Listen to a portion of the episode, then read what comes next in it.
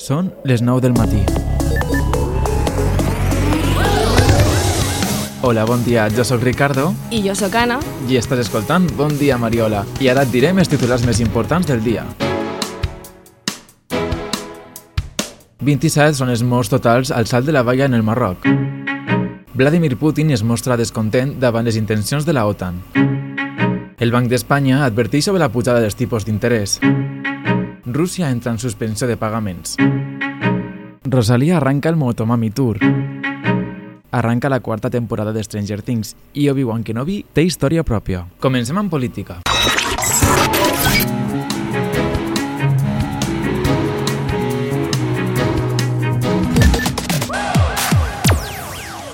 Pues sí, Ricardo. Vladimir Putin ha asegurado en diversos medios internacionales que la cumbre de la OTAN celebrada en Madrid tiene como único objetivo declararle la guerra a Rusia en los próximos meses, viéndose apoyada tanto por Estados Unidos como por la Unión Europea.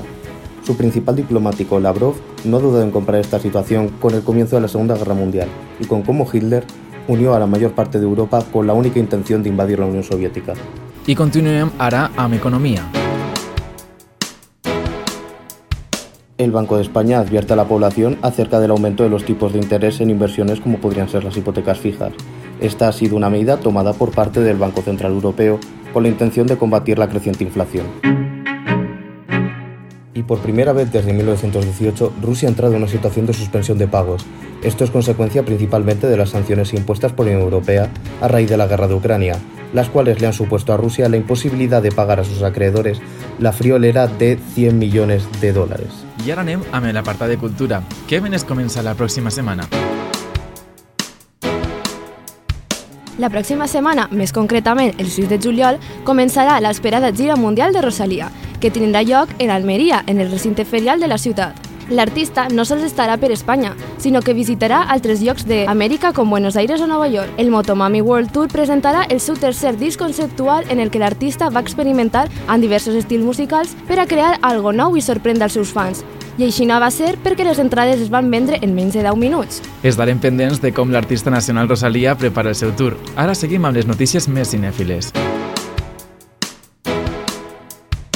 Així és, Ricardo, el mes de juny ha estat reple de nous continguts audiovisuals, sobretot a plataformes com Netflix o Disney+. Amb el llançament de la primera part de la quarta temporada de Stranger Things, Netflix ha tornat a demostrar el poder que posseís, ja que es va convertir en un dels estrenos més vists de tota la plataforma, superant-se així mateixos i a sèries com La Casa de Papel o Los Bridgerton. A més, els dos últims episodis seran emitits el 1 de juliol i es preveu que inclús superi les dades d'audiència de la primera part.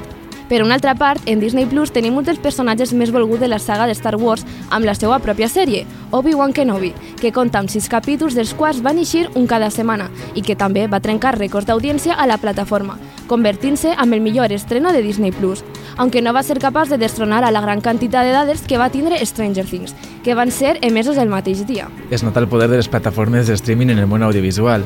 Gràcies, Anna, per la teva informació. Bueno, fins ací la informació del dia. Vos esperem demà amb més novetats.